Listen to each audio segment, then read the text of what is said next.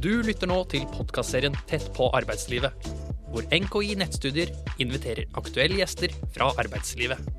Hei, mitt navn er Ilgar Andersen. Jeg er faglærer her på NKI Nettstudier. Med meg i dag har jeg igjen Håkon Rydning, som er klinisk eh, psykologspesialist. Velkommen tilbake, Håkon. Tusen takk. Hyggelig å være her igjen. Veldig hyggelig å ha deg her. Og i dag skal vi snakke om bedragersyndromet.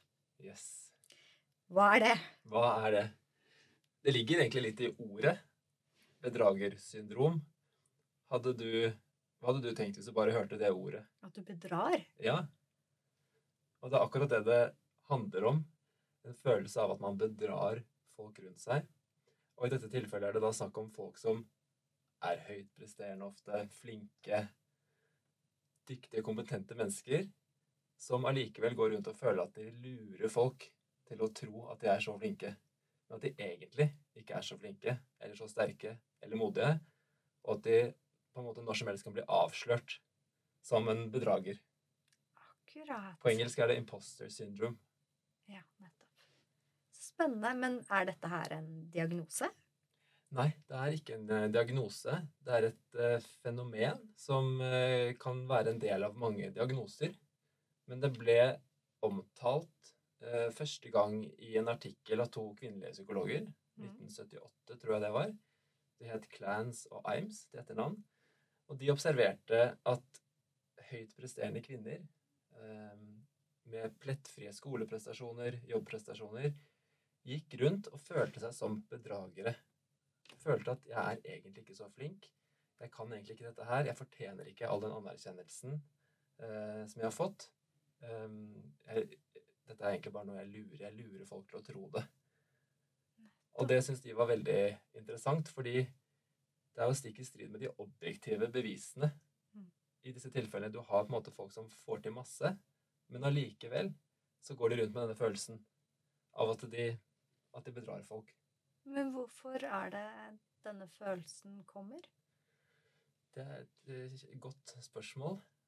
De som skrev den artikkelen, de har spekulert i om dette kan handle om tidlige erfaringer, altså familiedynamikk. Og de beskriver i, de, i den artikkelen, det er jo noen år siden den kom ut, men i den artikkelen så beskriver de særlig to typer familiedynamikker som kan føre til en sånn bedragersyndromtendens. Den første de nevner, det er hvis du vokser opp med et søsken eller en nær slektning som blir definert som den smarte eller den flinke, og hvor du blir mer betegnet som den sosiale, kanskje den som er street smart, omgjengelig. Det ligger liksom som en sånn slags rollefordeling i familien fra start. Og så uh, går man ut i livet da, med den selvforståelsen, og så gjør man det kanskje veldig bra likevel. På skolen, f.eks., eller på jobb. Og så begynner du å lure på men hvis jeg ikke er Jeg er jo ikke den intelligente, men jeg får det allikevel til. Det blir en slags diskrepans i selvforståelsen der. Mm. Det være seg hvis du da på en måte har kjøpt den familiemyten, da. Mm. Som man ofte gjør når man er barn. Så hører man jo Mm. på foreldrene. Det kan du da ende opp med å øh, faktisk tolke dit hen at du tenker at da må jeg bare være en bedrager. Altså Grunnen til at jeg har kommet langt, det er fordi jeg er så sjarmerende. Eller fordi jeg klarer liksom å tilpasse meg foreleseren og skjønne hva han trenger, eller hva hun trenger. Um, det handler ikke om at jeg egentlig er smart eller har ferdigheter i bunn. Det er masse annet, og kanskje litt flaks, som har gjort at jeg eh, har kommet dit jeg har, da. Og det må for guds skyld ingen oppdage. Så det er liksom den ene familiedynamikken de beskriver. Og så har de den andre. Det er i tilfeller hvor barn får høre fra tidlig av at de er helt suverene. Helt unike. ikke sant? Du, fra du var liten, så har du fått til alt. Du lærte å gå fort. Du sluttet med bleie på 0,9. Du var raskest, du var best, og du, ting kommer så lett for deg. ikke sant? Og du, dette har du liksom vokst opp med. Mm. Og så går du ut i verden, og så merker du at ting kommer ikke lett for noen. på en måte. Alle må jobbe på et eller annet nivå. Mm. Og da kan den diskrepansen jeg begynne Ok, men er ikke jeg smart? Jeg trodde jeg tok ting veldig lett. Her må jeg jobbe masse. Og jeg gjør det kanskje dårligere enn mange andre. Jeg Er ikke så smart, da? Mm. Kanskje kanskje jeg er dum, og dette må ingen få vite. Mm. Ergo ikke sant? Dette må bare være noe jeg har lurt folk til å tro igjen. Så de to familiesituasjonene de er litt sånn på hver sin side av skalaen. Den ene er at du blir hausa opp i skyene, Ja. og den andre er at du kanskje ikke er favoritten. Ja, I hvert fall at du ikke får, får ikke tilskrevet liksom de egenskapene til deg selv, da. Eh, så Og jeg ser jo det i samtale, dette er både tenker jeg, privat med venner og, og familie, men også på jobb med pasienter, at veldig mange av de som sliter mye med bedragersyndromet, kommer fra miljøer hvor det har vært mye fokus på prestasjon. Mm. Lite rom og lite på en måte samtaler om feilbarlighet, sårbarhet. Mm. Og gjerne også med ganske sånn mye dømming og kritikk. At man snakker om andre på en negativ måte. Andre som ikke har oppnådd de tingene som familien er opptatt av. Ja. Kritiserer man. Ja. Og det er jo noe barn internaliserer og tar med seg videre. Mm. Så, så jeg tror absolutt på den hypotesen deres at familiedynamikk kan ha mye å si. Men så har du også de opprettholdende faktorene som gjør at, du, som at man blir sittende fast i det. Og det er at man fortsetter å da tilskrive f.eks. suksess, fremskritt, oppnåelser til ytre faktorer. Istedenfor å tilskrive det til seg selv Mm. og noe man har fått til. Mm. Så da tenker du nei, jeg vet hva, jeg, jeg fikk den jobben, det var litt, litt, det var litt, det var litt bra timing. Fordi de Mm. trengte noen akkurat nå. Eh, og jeg tror sjefen var litt sliten, og det var liksom tilfeldigvis kom vi inn på noe gøy på intervjuet, så da fikk de Men jeg, det var ikke egentlig fordi jeg er så flink. Um, så det opprettholder det, at du fortsetter å tilskrive det til ytre faktorer. Mm. Og så er det også det at du fortsetter da gjerne å jobbe for å dekke over dette syndromet, ikke sant? Eller denne oppfattelsen av at du er en bedrager, det vil du ikke vise noen. Det er jo veldig hemmelig og veldig skambelagt. Ja. Så du sitter liksom alene i mørket med det, og ingen får se det, og så jobber du og jobber du for å kompensere og gi deg en liksom midlertidig god følelse, og sånn sett så får du på en måte aldri avslørt det for deg selv heller. Nettopp. Så spennende. Det er spennende tema. Eh, Så du tilskriver de tingene du har fått til i livet, ytre omstendigheter, men ikke hva du selv har av egenskaper. som Riktig. Ja, nettopp. Og der ser man også en litt sånn kjønnsforskjell, at dette er sånn klassisk, da. Eh, Det gjelder jo ikke på individnivå, men man ser at kvinner i større grad har den tendensen til å attribuere suksess utover. Mens menn ofte tar det mye mer til seg. Ja, dette på grunn av meg, liksom. Ja, men er det en biologisk forskjell, eller er det et samfunnsproblem? Så vidt jeg vet, og det kan godt hende at uh, jeg kan lære mye mer om det her, men jeg tror at, uh, at det i hovedsakelig er et samfunnsproblem. At det er, dette handler jo noe om ikke sant? Der kommer man litt inn på feminisme og, og kvinne, kvinnekamp. At det har ikke vært like lett for kvinner å oppnå suksess. Det har ikke vært like tilgjengelig. Og sånn sett så har eh, en del kvinner kanskje blitt redd for suksess, for de har møtt motstand eh, fra tidlig av, og sånn sett liksom lukket ned det ønsket. Mm. Og heller tenkt at jeg får bare jobbe hardt og, og gjøre så godt jeg kan, og så blir det liksom eh, deres måte å bare gå gjennom livet på, da. Mm. Og det er noe av det man kan gjøre i, i terapi, er at man kan utfordre akkurat det. Liksom, hvis det var du som satt der, da, Mm. Og tenkte at jeg, nei, jeg får ikke til noen ting, og alt, alt som skjer med meg, er bare flaks. Og, ikke sant? Mm. Eh, Det handler ikke om meg. Altså, hvis jeg hadde gjort en øvelse på at Men du, la oss nå si at det er på grunn av deg. Mm. Prøv å leve deg inn i det. Prøv å snakke om det som egne prestasjoner. Da kan man ofte få frem denne eventuelle frykten for suksess. Og kanskje ufarliggjøre den, eller moderere den, sånn at man kan begynne å få et litt mer balansert forhold til hva det vil si å få til ting, og kanskje også tørre å, å tilskrive en del av de oppnåelsene man har til seg selv. Da. Nettopp. Men eh, en ting jeg kom på mens vi pratet, var Er det en forskjell på bedragersyndromet og det å være ydmyk? Det er et kjempeviktig spørsmål, syns jeg. Fordi det å være ydmyk eller å være forsiktig, det handler jo om å kunne ta en slags realistisk vurdering på egne ferdigheter. Og egenskaper i en eller annen, i en eller annen kompleks situasjon. Mm. Og det tenker jeg er jo kjempebra. Mm. Det er det samme som jeg tenker i mitt yrke, da, som psykolog. Hvis jeg på en måte sa til en person som var 100% lam, at liksom 'Kom til meg en time, og jeg fikser det'. Liksom Mm. totalt urealistisk Mm. eh, og veldig lite ydmykt. Mm. Så det at jeg tar en vurdering på hva er det jeg kan bidra med, hva er det jeg ikke kan bidra med, er jo både lurt og, og, og også forsvarlig. Mm.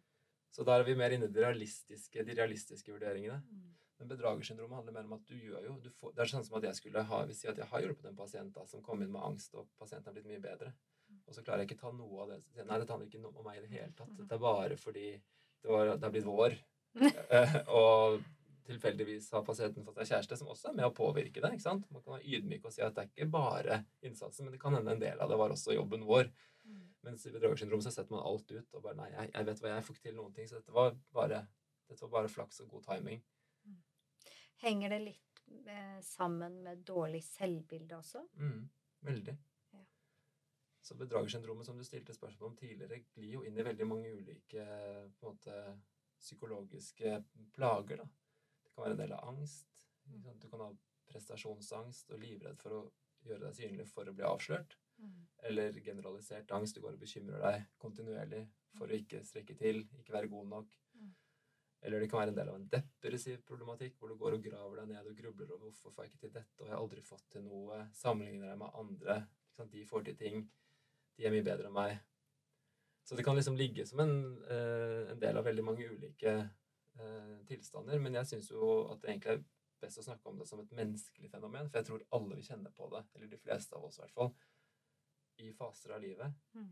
Og så syns jeg at det er så veldig viktig å prate om det, fordi jeg tenker at dette er en av de fenomenene som jeg tror i aller største grad kan påvirkes av åpenhet. Hvis du får høre om at det finnes noe som heter bedragersyndromet, at folk går rundt og tviler på sin egen kompetanse, og at det er et fenomen, at det er flere som kjenner på det, Mm. allerede der kan man jo begynne å lure litt på sånn òg. altså De følelsene jeg har, er Kanskje det ikke nødvendigvis er bare en sannhet. Kanskje det er noe jeg også Kanskje jeg liksom har dette fenomenet, jeg også. Mm. Og jo mer man da går inn og snakker om Hvis man klarer å ha åpne samtaler om sant, hva man ikke får til, eh, hvor man blir usikker, så tar man på en måte ned terskelen, og du nyanserer det bildet du har av verden rundt deg, og ser at «Oi, altså, hun der, som jeg alltid trodde liksom var helt på topp, hun eh, har dårlige dager, hun òg. Mm. Feiler og klarer ikke ting. Og, ikke? Da, da får man ofte mer mot selv og mer tiltro til at ja, men da, da tror jeg også jeg kan prøve litt til. Ja, man står ikke helt alene. Nei. Det er jo en veldig trøst, kan jeg tenke meg, i noe som er en tung byrde å bære, da. Å Mm. ha dette bedragersyndromet. Mm. For akkurat det, man står ofte veldig alene i det, og da Ja. blir heller ikke illusjonen avslørt, på en måte. Mm. Så det å ha altså gruppe, altså det å privat snakke med venner, ha en sånn type dialog, der er man jo litt prisgitt ofte miljøene sine. Mm. Hvis man har et miljø hvor man har litt sånne samtaler, og gjerne litt med humor, gjør litt narr av seg selv, Mm. så syns jeg ofte at da er det jo mindre sannsynlighet for at du blir fanget i det Mm. bedragersyndromet. Mm. Og jeg, når jeg er på kurs og foredrag, og særlig hvis jeg skal lære meg noe nytt, Mm. de foreleserne som begynner med, eller i hvert fall underveis i kurset, forteller om noe de ikke fikk til, Mm. det, er det mest effektive for min del. For da blir jeg sånn Å, ok, da, da tør jeg også prøve. Ja. Hvis de bare forteller om suksesshistorier hele tiden, Ja. så går jeg ut og tenker at dette er ikke for meg. Ja. Og da kan jeg kjenne veldig på bedragersyndromet selv hvis jeg skal prøve å gjøre det samme i terapi. For da tenker jeg sånn Stakkars pasienten som kommer inn til meg. Ja. Jeg har ikke peiling på det her. Jeg sitter bare og later som. Ja. Håper ikke jeg blir avslørt. Så da Ja. kan jeg i aller største grad føle, kjenne på det selv. da. Men jeg tror veldig, det er som du sier, veldig mange av oss har vel en eller annen gang følt på dette her. Det kan jo ikke være uvanlig. Nei, jeg, altså, jeg tror det, det varierer veldig fra studie til studie eh, hvor mange som har kjent på det. Mm. Eh, liksom alt fra 10 til 80 Så jeg, min konklusjon er at alle Eller sikkert noen som aldri kjenner på det, men de fleste av oss kjenner på det. Ja. Og på et vis så syns jeg det liksom er, er litt som om vi alle er jo på en måte bare barn som prøver å være voksne. Og så titter vi over på andre og tenker at de har blitt voksne. Men jeg har ikke det. Ja. Og så glemmer vi liksom å tenke at kanskje det også gjelder for de andre vi ser. Men de som er mer usikre, har kanskje mindre toleranse for akkurat den feilbarligheten. Det er, jo, ja, men bare prøver vi så godt vi Mm. kan, og så blir det det det blir. Mm. Hvis du har lært, vokst opp med den holdningen, så er du litt mer sånn laidback. Mm. Det er ikke så farlig. Men så får du høre at uh, dette her er veldig viktig, og kanskje en opplevelse av at dette knyttes verdi til. ikke sant? Du er omtrent mer verdt hvis du oppnår denne graden eller alle disse pengene, eller hva det nå er. Så, så blir det jo vanskeligere Mm. å på en måte bagatellisere det for seg selv. Mm. Du nevnte 10-80 kvinner er mer eh, utsatt, kan jeg si det, for å Mm. få det. Er det en aldersgruppe også som uh, bedragersyndromet oftere opptrer i? Ja, så ut fra det jeg har lest, så ser det ut som at det er litt variasjon fra studier der òg, men de har sett noen, noen studier så har de sett at yngre er litt mer utsatt. Ja. Og det syns jeg gir litt mening. Ja, hos meg òg. Ja. gir mening. Man er jo mer usikker gjerne som ung Ja. før man eh, Ja, tidens tann har eh, Herdet og herdet oss. Ja. ja. Jeg tenker Når man er ny i jobbintervjuer, så selger man seg inn. Så jeg tenker Det er veldig den kontrasten der og fra det jobbintervjuet man virkelig liksom bare forteller alt man kan, og, Ja. og så til man kommer første dag på jobb Ja. og ikke klarer å sette på kaffetrakteren engang og tenker sånn Sorry, folkens, for at dere ansatte meg. Da vil man jo ofte kjenne på bedragersyndrom. Jeg tror det du sier akkurat her, er veldig mange har, eh, kan kjenne seg igjen i. Ja.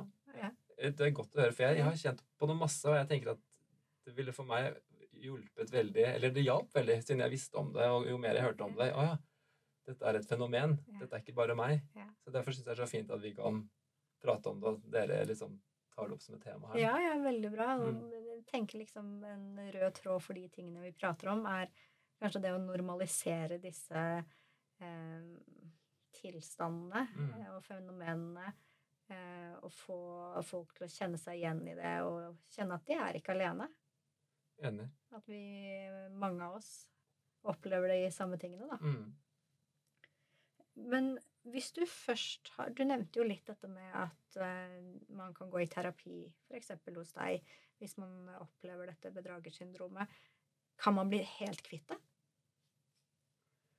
Jeg tror man kan komme langt ut av det. Ja. Hvis du eh, Vi er jo litt ulike, så noen vil kanskje ha en større sårbarhet for å falle inn i det igjen. Mm. Fordi ting sitter jo litt i kroppen, og vi har noen personlighetstrekk som vi har med oss. Men samtidig så Hvis du først har for det første liksom begynt å For det første forstått at det er et fenomen, og at det er noe du som ikke nødvendigvis er sant, og du begynner å høre at andre også har det, og etter hvert kanskje begynner å utfordre de tankene helt konkret. Sant? Det å ta den tanken Jeg har lurt alle. Jeg har lurt alle rundt meg. Det er derfor jeg har denne jobben. Det er jo en konkret tanke. Hvis man skriver opp den på et ark, Mm. deler arket i to, Mm. og så begynner man på andre siden å komme med alle argumenter mot det. Sant? Ja, men jeg har jo tross alt gått på skole i seks år, ni år, tolv, hva nå enn det er. Jeg har eh, fått gode referanser. Jeg har eh, oppnådd dette og dette. Sant? Jeg er en OK person. Alt, alt som på en måte er sant også. Og begynner å liksom liste opp den, så begynner jo den tanken om at du er en bedrager å bli litt usannsynlig. Ikke minst det at skal ikke de som har vurdert deg, få lov til å altså Stoler du ikke på deres vurderinger? Mm. Det er også litt morsomt. Som hva ville de sagt hvis du ikke sa vet du hva, jeg går rundt med en oppfølgelse at jeg har lurt deg? Mm. Da kunne jo folk blitt veldig provosert og sagt nei, jeg har tatt denne vurderingen basert på flere ting, og du har dessverre ikke lurt meg. Og litt fornærmet over at du faktisk tror det. Ja, man nedvurderer jo også andres vurderingsevne i det. Så det er en måte å, å jobbe med det på. Og så kan man også, når man begynner å kjenne liksom, altså Hvis man begynner å kjenne igjen denne tanken, så kan det være litt slitsomt å skulle gå igjen og liksom argumentere mot den hver gang. Så da kan man eventuelt også begynne å rett og slett bare ignorere den og tenke at den tanken husker jeg på en måte at jeg har kommet frem til at ikke hjelper meg nå. Ja. Og jeg har ikke så mye tiltro til den. Kanskje jeg bare skal prøve å behandle den som noe irrelevant. Altså, såpass enkelt eh, hjelpemiddel kan man altså bruke. Ja. Jeg har bare bestemt meg for at når jeg får disse tankene, så skal jeg ikke stole på de tankene. Mm. Fantastisk. Og det kan man gjøre selv, og det kan man også få hjelp til. Men da må man bare ta en runde først på den, ikke sant? før man har tatt stilling til den, før den har blitt noe bevisst. Så har man jo ofte, er det ofte bare en del av sinnet. Og da er det vanskeligere å argumentere mot den eller la den ligge. Men når man innser at jo, det er en tanke, og den tanken kommer med dette innholdet, Mm. så kan man heller si ja, hva, hva gjør jeg med den? Er den? Gjør den dagen min bra, og gjør den at jeg presterer bedre hvis jeg går videre på den, eller kan jeg prøve å bare la den ligge og fortsette med det jeg gjorde, før den tanken kom inn i hodet mitt? Så hvis vi skulle oppsummert bare sånn kjapt om bedragersyndromet, hva ville du sagt? Jeg vil si det er et fenomen som mange kjenner på. Eh, Det er helt irrasjonelt. Hvis du har oppnådd ting, så har du oppnådd dem, og du er en vesentlig faktor i det, uansett hvordan du vrir og vender på det. Mm. Og hvis du er veldig plaget av det, prøv å snakke med åpne, ærlige folk. Ikke de som uh, rosemaler sin egen eh, virksomhet, men de som er litt uh, feilbarlige. Og be om hjelp hvis det plager deg mye. For det kan jo gjøre at du faktisk unngår ting. Det kan jo gjøre at jeg tør ikke gå på det intervjuet, eller jeg tør ikke jeg, Hvis jeg ble lammet av den eh, bedragersyndromfrykten, så kunne jeg jo sagt nei takk til denne podkasten her. Ja. Og den er jo en, et element i meg at jeg tenker «Å, nå sitter det sikkert noen andre kloke folk, kanskje noen psykologer, og hører på og tenker at han der, han kan ikke det han snakker om. Mm. Ikke sant? At nå, nå, avs- nå avsløres Mm. Håkon. Mm. Ehm, så det, så det, det kan faktisk holde igjen og forhindre deg i livet. Så da ville jeg bedt om hjelp. jeg, Først måtte jeg ta en ærlig prat med meg selv og si men jeg har jo forberedt meg. Og jeg har jo også blitt eh, psykolog av en grunn, så jeg har vel noe å komme med. så så ille kan det ikke være. Og så hørte jeg på en sang på vei hit som er eh, laget av et band som heter Nummer Fire, som heter Alt feil. Ja. Og den sangen burde alle høre på hvis de har bedragersyndrom. Okay. For der synger de om Jeg kan ikke synge kan du den. synge det? Jeg kommer bedragersyndrom med, med rette. men de synger om ikke sant? at alle gjør alt feil, men vi gjør så godt vi kan. Og den er veldig sånn der tillatende og god, så den anbefaler jeg alle å ta, sjekke ut. Ja, Første jeg skal gjøre etter jobb i dag. Ja. Tusen takk skal du ha, Håkon. Du har nå lyttet til en podkast fra NKI Nettstudier. Hvis du er nysgjerrig på våre studier, gå inn på nki.no.